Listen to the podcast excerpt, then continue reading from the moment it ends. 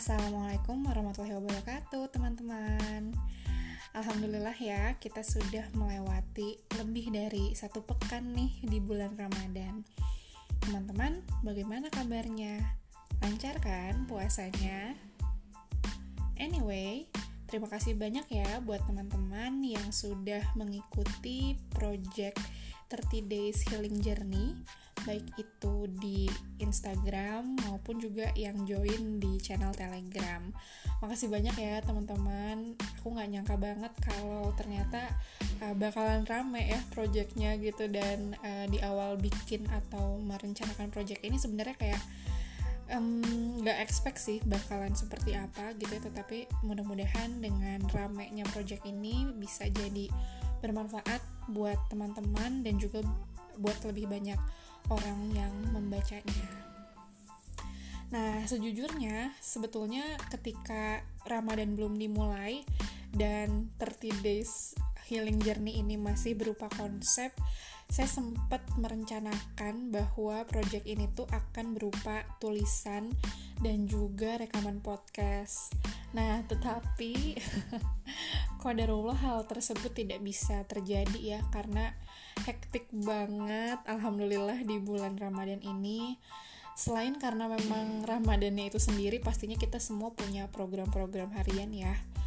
Qadarullah saat ini saya sedang persiapan ujian nih teman-teman.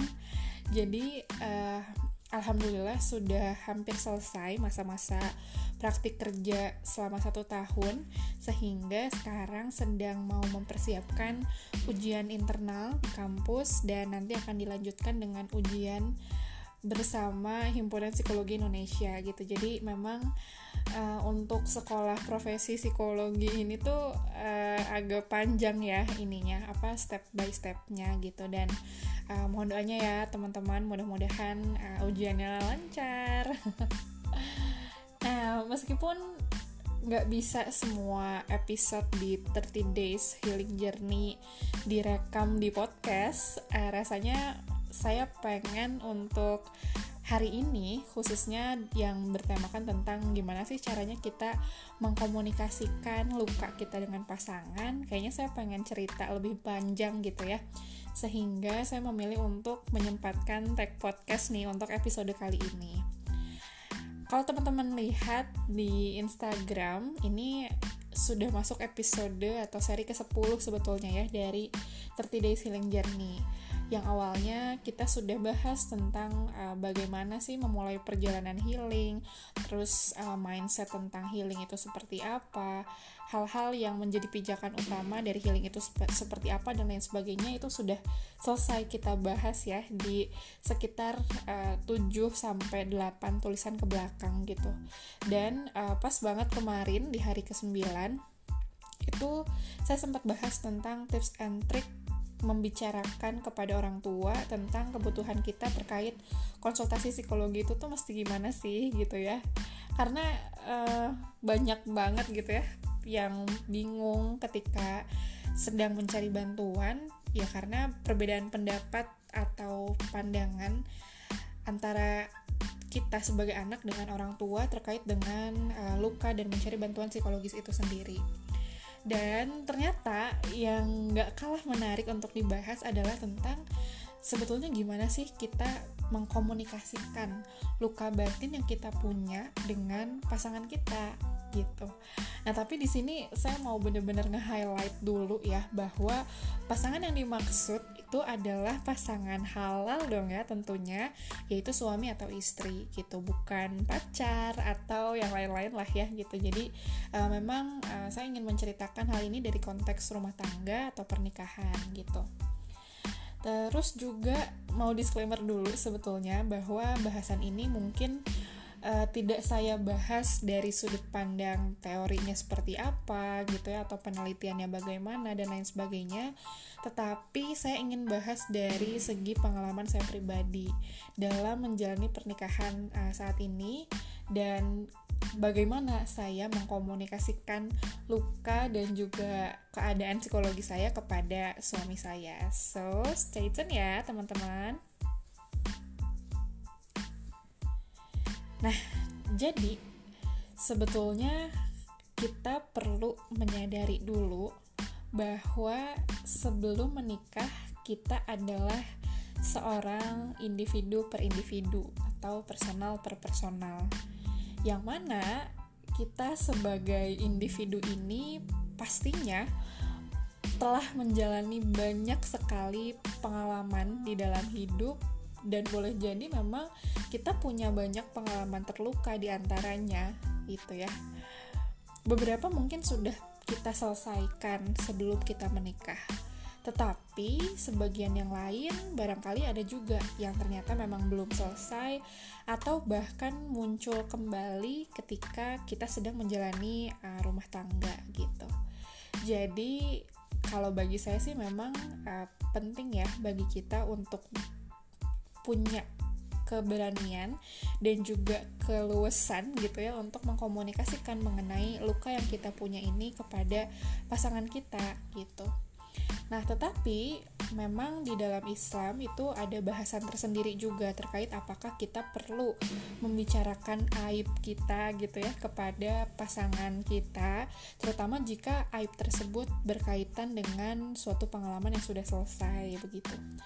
Nah, kalau saya pribadi sih sebetulnya uh, memilih pendapat yang menyatakan bahwa sebetulnya ketika Allah sudah menutup aib kita, maka ya tidak perlu kita bicarakan lagi gitu ya sekalipun itu kepada uh, suami atau istri kita begitu.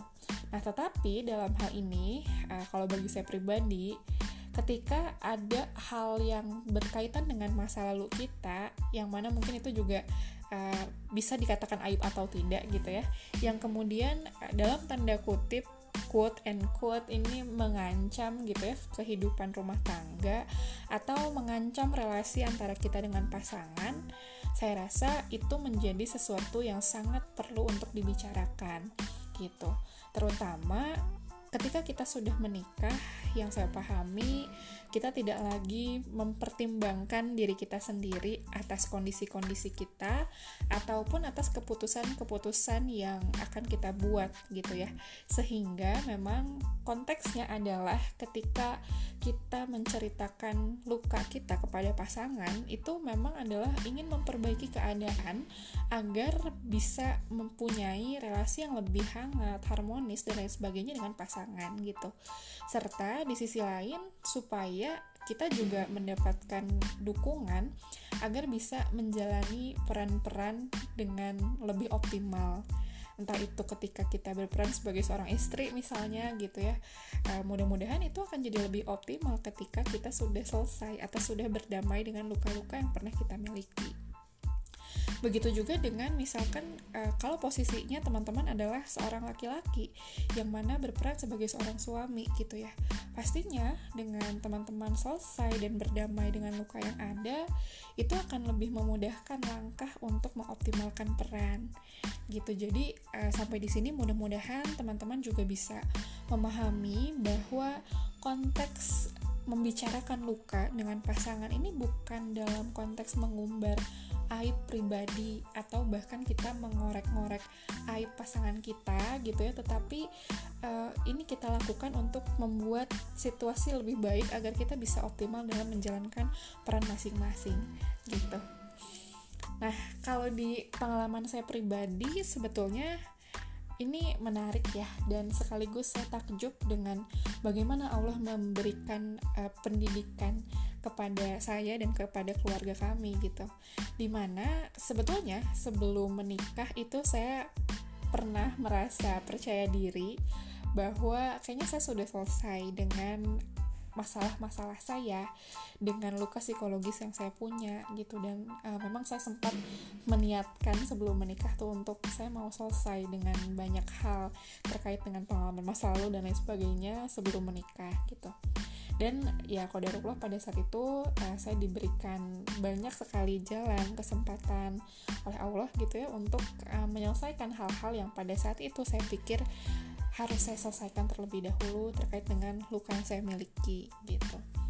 Sehingga ketika saya uh, dipinang gitu ya lalu kemudian kami menikah saya merasa bahwa saya tidak membawa sampah luka di masa lalu gitu. Nah tetapi ternyata um, ketika memasuki kehidupan rumah tangga hal yang berbeda itu sangat mungkin untuk terjadi ya um, ketika awal-awal pernikahan kemudian saat itu saya masih semester berapa ya? Dua atau tiga? Perkuliahan S2 gitu ya kalau nggak salah. Di mana memang pada saat itu saya sedang berhadapan dengan uh, jadwal perkuliahan yang cukup padat gitu.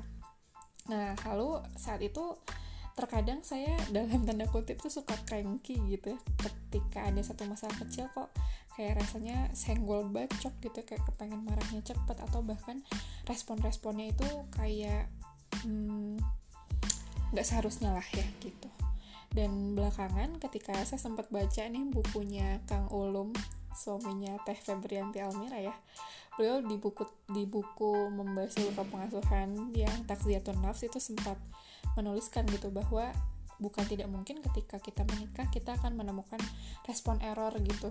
Yang mana ya seperti saya tadi kok aneh sih responnya nggak seperti apa yang seharusnya gitu. Dan itu bisa menjadi indikasi bahwa oh jangan-jangan ada sesuatu yang nggak belum beres gitu di diri kita gitu. Dan uh, hal yang saya rasakan juga kurang lebih seperti itu gitu ya. Sampai saya bertanya-tanya ini ada apa ya? Apa saya cuman capek doang karena ya secara fisik capek gitu ya atau ternyata ada yang lain gitu. Nah kemudian alhamdulillah dulu aduh gatal ya tenggorokannya maaf ya teman-teman. Ya jadi alhamdulillahnya pada saat itu saya sedang menjalani proses praktikum konseling di kampus gitu di mana ketika kami para calon psikolog ini akan mengkonseling orang lain kami pun di konseling dulu sama uh, psikolog senior di kampus gitu ya atau sama dosen pembimbing gitu. Nah pada saat itu saya baru nemu gitu ya eh saya tuh kenapa ya? gitu. Dan ketika sesi konseling itu saya mulai mendapatkan insight-insight gitu ya bahwa oh ternyata ada nih sesuatu yang belum selesai di diri saya dan itu masih menjadi luka tersendiri gitu ya uh, terkait dengan bagaimana saya menjalani kehidupan sehari-hari dan itu masih ada dipengaruhi oleh hal-hal yang pernah terjadi di masa lalu gitu. Nah, kemudian eh, dari proses konseling itu saya bersama seorang psikolog pada saat itu ngobrol cukup panjang sekali gitu kami menguraikan uh, apa yang saya rasakan dan lain sebagainya sehingga pada saat itulah saya tahu bahwa oh ternyata akarnya itu adalah A gitu ya si A ini menyebabkan terjadinya B dan lain sebagainya gitu. Dan memang itu terkait dengan pengalaman yang saya kira sudah selesai tadi ya padahal ternyata belum gitu. Nah lalu pastinya saya merasa nggak nyaman dong ya dengan kondisi seperti itu mudah ke trigger dan lain sebagainya. Lalu kemudian saya mencoba untuk memberanikan diri untuk mengkomunikasikan hal tersebut kepada suami gitu ya karena tadi ya balik lagi ke awal bahwa saya ingin lebih optimal nih dalam menjalani peran saya sebagai seorang istri dan menjalani kehidupan sehari-hari saya secara umum gitu. Dan uh, suami saya adalah pemimpin saya di rumah tangga sehingga saya merasa sangat perlu untuk mengkomunikasikan ini dengan beliau gitu. Nah kalau dari pengalaman saya pribadi tips and triknya itu adalah uh, yang pertama sebetulnya kita mulai dari diri kita sendiri dulu gitu. Dalam artian uh, kita munculkan keberanian atau kemauan bahwa kita mau mengkomunikasikan hal ini gitu. Karena kalau kemauan yang nggak ada atau um, keinginan yang nggak ada gitu ya maka ya sulit gitu untuk kita benar-benar melangkah mengkomunikasikan apa yang kita rasakan dengan pasangan kita gitu. Jadi yang pertama harus kita pastikan adalah diri kitanya memang sedang ingin uh, melakukan hal itu gitu karena punya tujuan ingin beres nih dengan urusan ini gitu kan. Nah kemudian yang kedua di kehidupan pernikahan juga saya jadi belajar ya bahwa tidak semudah itu ngobrol dengan pasangan gitu. Meskipun alhamdulillah Allah mengkaruniakan saya suami yang sangat komunikatif sangat asik banget buat diajak ngobrol tetapi ternyata tetap aja gitu ya ketika ingin membicarakan sesuatu yang serius saya perlu memperhatikan rambu-rambu yang ada gitu. Rambunya seperti apa? Mungkin di uh, pasangan rumah tangga yang lain berbeda ya tetapi kalau saya pribadi saya mencoba untuk memastikan apakah suami saya sudah cukup tidurnya dalam artian beliau sedang tidak dalam keadaan mengantuk gitu. Kemudian yang kedua apakah sedang kenyang perutnya? Ya dalam artian nggak lagi lapar nggak lagi nggak enak perutnya dan lain sebagainya gitu ya atau uh, apakah tidak sedang uh, unmood misalnya gitu itu juga dipastikan gitu lagi kepengen ngedengerin kita atau enggak sih gitu. Kondisinya lagi tepat atau enggak sih gitu dan uh, apakah ada kebutuhan-kebutuhan yang ternyata mungkin sedang ingin dipenuhi dan lain sebagainya gitu. Jadi eh, rambu-rambu uh, itu cukup menjadi sign atau warning gitu ya bagi saya ketika akan mengobrolkan sesuatu yang serius. Saya coba untuk pastikan bahwa hal tersebut itu udah checklist dulu gitu ya udah beres dulu meskipun memang nggak mudah sih kadang-kadang uh, saya sebagai perempuan juga kayak pengen cepet-cepet cerita gitu ya. Dan banyak juga feltnya dalam hal ini begitu. Tetapi ya makin ke sini saya makin mempelajari bahwa memperhatikan rambu-rambu tadi itu penting banget gitu untuk menciptakan uh, suasana komunikasi yang kondusif gitu. Nah kemudian yang kedua uh, saya biasanya sih memang bilang gitu ya sama beliau bahwa kayak ngasih judul gitu loh di awal. Apakah saya cuma pengen didengarkan atau ternyata saya sedang membutuhkan suatu bantuan gitu. Karena biasanya kalau uh, saya cuma ingin didengarkan saya paling bilangnya mas tahu nggak sih aku mau cerita dong? Kayak gitu. Nah tapi kalau saya sedang menginginkan bantuan saya bilangnya mas aku mau nyampein sesuatu dan aku ingin dibantu gitu nggak cuma didengarkan tapi aku pengen ditanggapin gitu ya. Aku pengen tahu sudut pandangmu seperti apa dan lain sebagainya gitu. Jadi uh, supaya suami tuh tahu gitu kira-kira tujuan kita sebagai istri ngobrol tuh mau apa sih gitu. Apakah cuma pengen ngeluarin uh, apa namanya nguraikan benang kusut aja gitu ya atau memang ya lagi kepengen ngomong aja gitu ya atau uh, betul-betul ingin mengkomunikasikan sesuatu yang perlu dihadapi bersama-sama gitu. Nah kemudian uh, yang ke berapa ya tiga ya kalau nggak salah.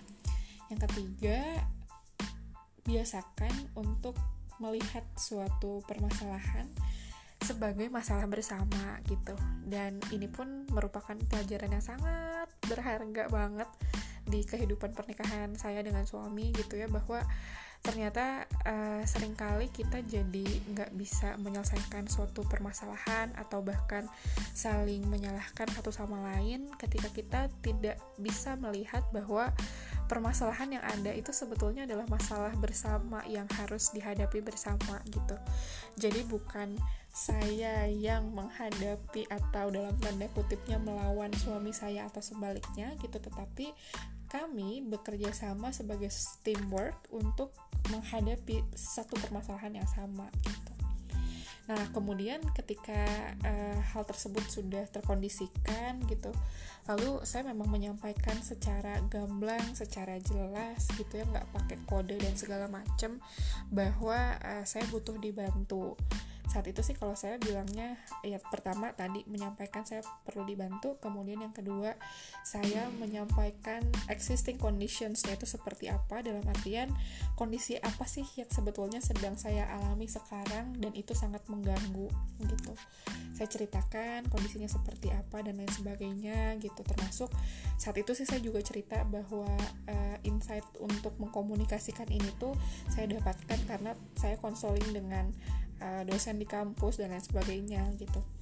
Kemudian uh, ketika saya tahu kan sebab uh, masih adanya luka tersebut tuh karena apa gitu ya. Nah itu juga sebetulnya yang saya komunikasikan kepada suami saya gitu. Saya bilang bahwa ini tuh terkait dengan sesuatu hal yang sebetulnya sudah terjadi ini gak ada hubungannya dengan uh, keberadaanmu gitu dalam artian ini bukan salahmu gitu. Tetapi memang ini sesuatu yang ternyata masih ada sisanya atau masih ada residunya di uh, kehidupan saya saat ini gitu. Nah lalu uh, saya menyampaikan bahwa saya ingin dibantu dengan cara apa gitu ya.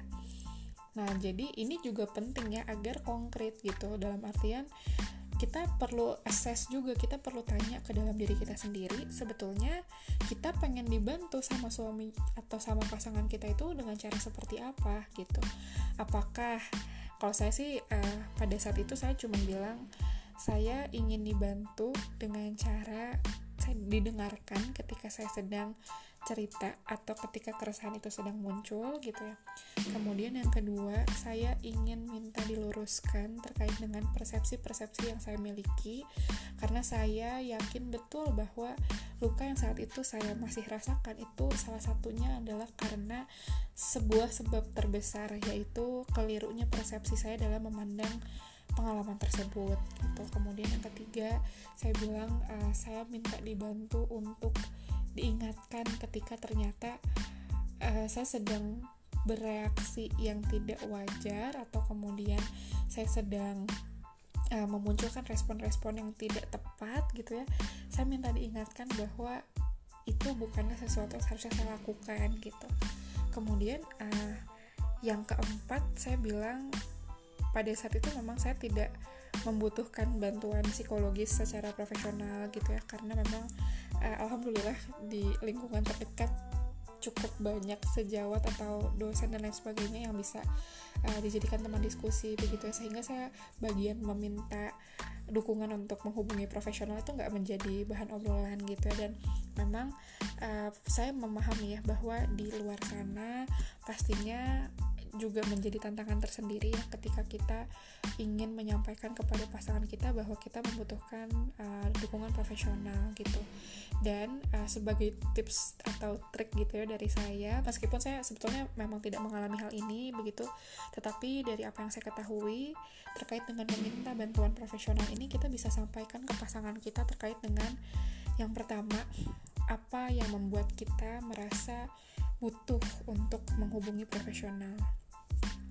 Kemudian yang kedua, uh, kita coba dalam tanda kutipnya ajukan proposal ya. Dalam artian kita sampaikan psikolog mana yang akan kita temui gitu kemudian latar belakangnya seperti apa. Kenapa sih latar belakang ini penting? Begitu karena uh, bagi para keluarga muslim saya rasa ada kepentingan ya atau ada kebutuhan untuk menemui profesional yang memang latar belakangnya, value-nya, prinsipnya itu sama dari sudut pandang Islam gitu ya. Nah, kemudian kita juga bisa sampaikan biayanya itu kira-kira berapa gitu. Karena ini pasti akan juga menjadi agenda keuangan rumah tangga gitu ya dan lain sebagainya gitu. Dan uh, kita juga sampaikan bahwa kita betul-betul ingin memulihkan kondisi kita, bahwa kita percaya dengan uh, melaksanakan pertemuan dengan profesional itu akan lebih terbantu dan lain sebagainya gitu. Dan juga kita bisa sampaikan bahwa dengan kita menemui tenaga profesional bukan berarti kita tidak percaya atau tidak menghargai pasangan kita begitu, tetapi memang karena ada hal-hal yang nampaknya akan lebih tepat dan uh, lebih tepat sasaran gitu ya ketika memang disampaikan kepada profesional.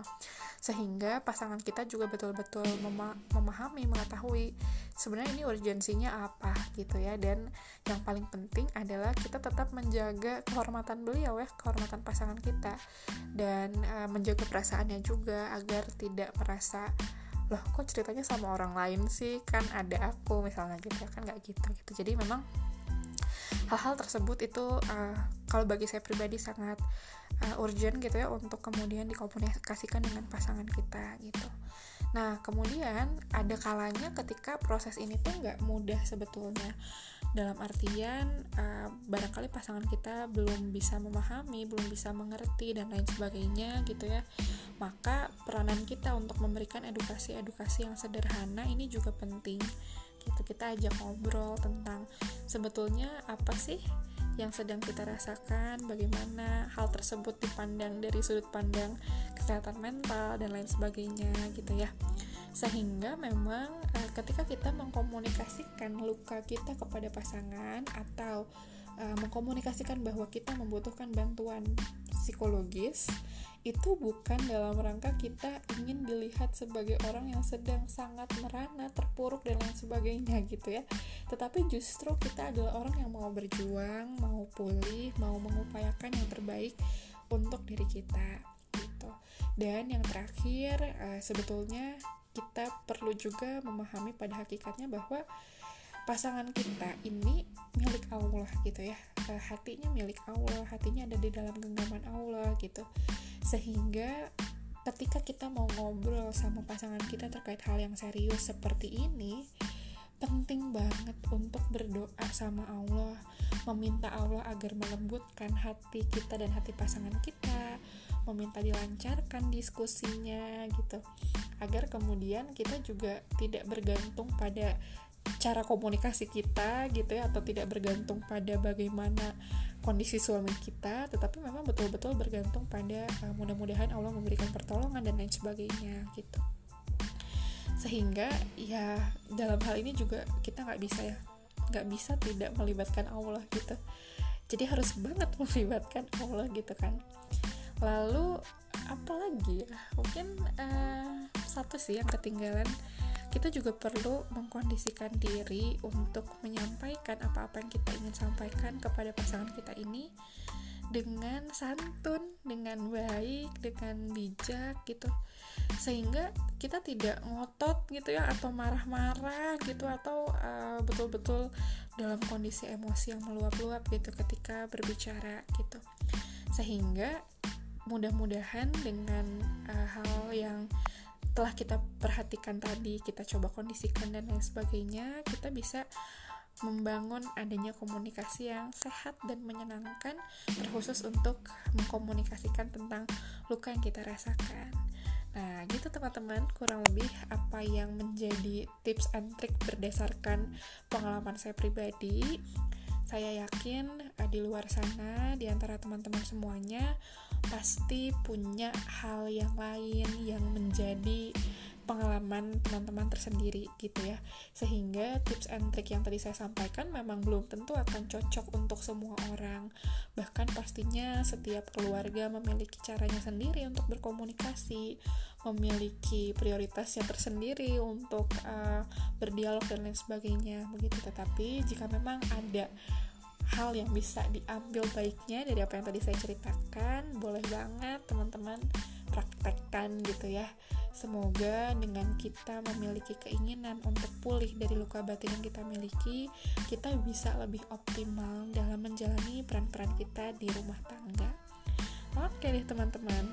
Terima kasih banyak sudah menyimak sepanjang sekitar 28 menit ya. Mudah-mudahan apa yang tadi disampaikan bisa ditangkap sebagai sesuatu yang bukan menggurui ya tetapi memang saya juga sedang bertumbuh tentunya dengan teman-teman. Bukan berarti saya sudah paling baik komunikasinya dengan suami saya atau hubungan kami paling harmonis dan lain sebagainya gitu ya. Enggak sama sekali enggak gitu. Tapi justru kita pastinya sedang belajar bersama-sama gitu. Wallahu a'lam bisawab mohon dimaafkan apabila ada kekeliruan dalam penyampaian dan stay tune terus ya untuk mengikuti 30 Days Healing Journey di Instagram at Novi Octavia. Sampai ketemu di episode podcast selanjutnya, insya Allah. Wassalamualaikum warahmatullahi wabarakatuh.